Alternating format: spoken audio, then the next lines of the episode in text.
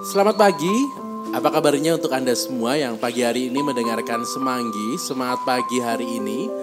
Hari ini kembali saya menyapa Anda yang beraktivitas di pagi hari dengan segala macam kesibukan dan mungkin pekerjaan yang hari ini dimulai dan diawali. Uh, saya ingin mengawali hari ini dengan sebuah cerita atau sebuah pengalaman yang mungkin uh, pernah terjadi pada kita semua. Minimal saya pernah merasakan dan pernah mengalami hal ini.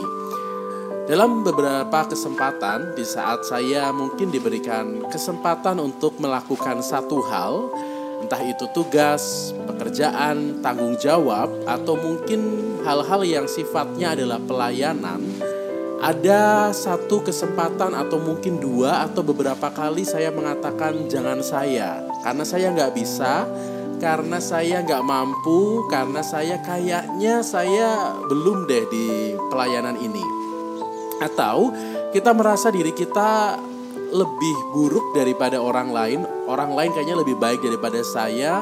Kenapa saya yang harus menjalankan tugas ini? Nanti kalau saya yang menjalani takutnya hasilnya tidak maksimal atau nanti ada banyak orang yang berkomentar dengan apa yang saya berikan, yang saya lakukan di dalam pelayanan tersebut. Sehingga akhirnya kita memilih untuk mengatakan tidak atau kita lebih mengatakan orang lain dulu deh. Nanti kalau orang lain tidak ada yang bisa, baru saya yang akan mencoba untuk melakukan tugas tanggung jawab tersebut. Sadar atau tidak, kita pernah mengatakan hal seperti itu. Entah itu sering atau sekali, dua kali, mungkin kita pernah mengalaminya. Alasannya beragam, ada yang merasa tidak layak, merasa tidak pantas, atau ada pula yang merasa ketakutan. Jangan-jangan nanti saya akan dikomentari jelek, atau orang berpandangan jelek kepada saya karena pengen menonjol, karena pengen diakui, atau hal-hal yang lain sebagainya. Atau mungkin memang kita nggak mau, kita tidak mau repot, tidak mau melayani, tidak mau memberikan diri, maka kita mencoba untuk membuat alasan yang seolah-olah adalah alasan yang baik. Sadar atau tidak, uh, pernahkah kita melakukan itu gitu ya? Sekali atau dua kali mungkin pernah kita menjalaninya dan melakukannya. Hari ini saya ingin mengajak kita semua untuk merenungkan bacaan Injil untuk hari Jumat hari ini. Bacaan Injilnya dari Injil Matius bab 9 ayat 9 sampai dengan 13 Um, untuk Anda yang mungkin pengen membaca bacaan Injil ini secara full dulu, Anda bisa pause suara saya. Atau kalau tidak, mungkin kita bisa memulai untuk mencoba merefleksikan bahwa bacaan Injil ini adalah bacaan Injil di mana Yesus berjumpa dengan Matius. Matius saat itu ada di rumah pemungut cukai.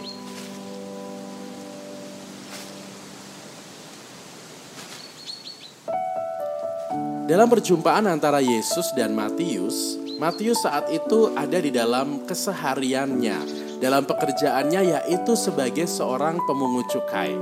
Pemungut cukai saat itu dianggap sebagai orang yang berdosa dan secara sosial itu dipandang miring oleh masyarakat saat itu. Mengapa? Karena ia bekerja untuk para penjajah. Artinya ia memungut cukai dari para pribumi begitu ya. Lalu menyetorkannya kepada penjajah. Itu artinya bahwa dia bekerja untuk penjajah dan membantu mereka untuk memeras uh, saudaranya sendiri. Maka ini dianggap sebagai sebuah tindakan yang begitu jahat saat itu. Belum lagi ditambah bahwa ada banyak pemungut cukai yang melakukan praktek korupsi. Artinya dia mintanya berapa, nanti yang disetorkan berapa. Itu artinya menimbulkan kerugian bagi banyak orang saat itu. Maka mereka dianggap sebagai orang yang berdosa dan layak untuk dikucilkan. Dan Matius ada di dalam kelompok tersebut.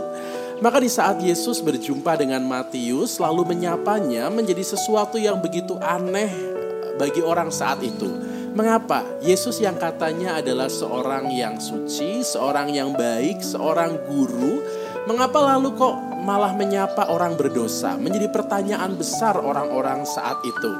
Tetapi sesuatu yang menarik mungkin berhubungan dengan cerita saya di awal tadi. Bahwa Matius di dalam perjumpaannya dengan Yesus dia melewati atau mengalaminya di dalam identitasnya sebagai seorang yang berdosa Yesus tidak menunggu, eh Matius kamu harus tobat dulu atau kamu harus meninggalkan dulu pekerjaanmu baru kamu mengikuti aku. Tidak, Yesus tidak membuat syarat semacam itu. Yesus justru langsung pada poin pemanggilannya yaitu ikutlah aku.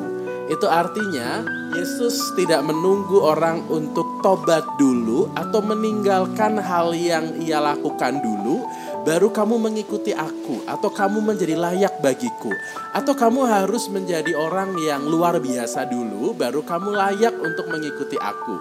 Sama halnya di dalam pelayanan, di dalam pemberian diri kita dalam hidup bersama, Tuhan tidak menuntut kita untuk layak dulu Tuhan tidak menuntut kita untuk sempurna dulu baru kita bisa melayani. Tuhan juga tidak menuntut kita menjadi pribadi yang suci, murni, bersih, putih, tanpa noda, baru kita bisa melayani Tuhan atau memberikan diri di dalam kebersamaan dengan orang lain.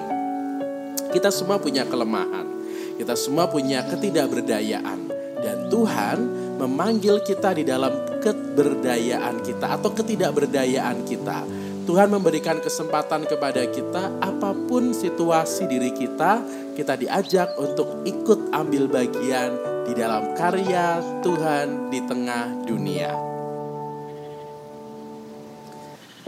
Maka pertanyaannya untuk kita adalah, siapkah kita untuk ikut ambil bagian? Siapkah kita untuk ada bersama dengan Yesus di dalam pelayanannya?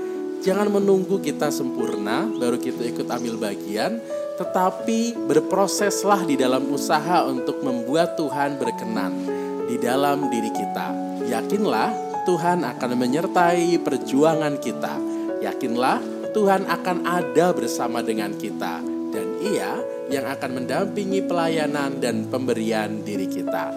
Semoga kita semua mau untuk membuka diri di dalam pelayanan, mau untuk membuka diri di dalam pemberian diri di dalam hidup beriman, dalam hidup bermasyarakat, ataupun di mana pun kita berada. Karena sejatinya kita semua punya kesempatan untuk ada bersama dengan orang lain, memberikan sedikit yang kita mampu, supaya kita bisa jadi berkat bagi banyak orang. Terima kasih untuk Anda semua yang hari ini masih punya harapan besar, yang hari ini tetap setia beriman kepada Tuhan Terima kasih karena Anda semua juga setia untuk saling menjaga, terutama dalam situasi pandemi ini. Kita sama-sama berharap, sama-sama memohon, dan yakinlah suatu saat Tuhan akan memberikan akhir yang indah untuk kita semua. Selamat pagi untuk kita semua, untuk Anda dan keluarga Anda. Selamat pagi, semanggi, semangat pagi hari ini.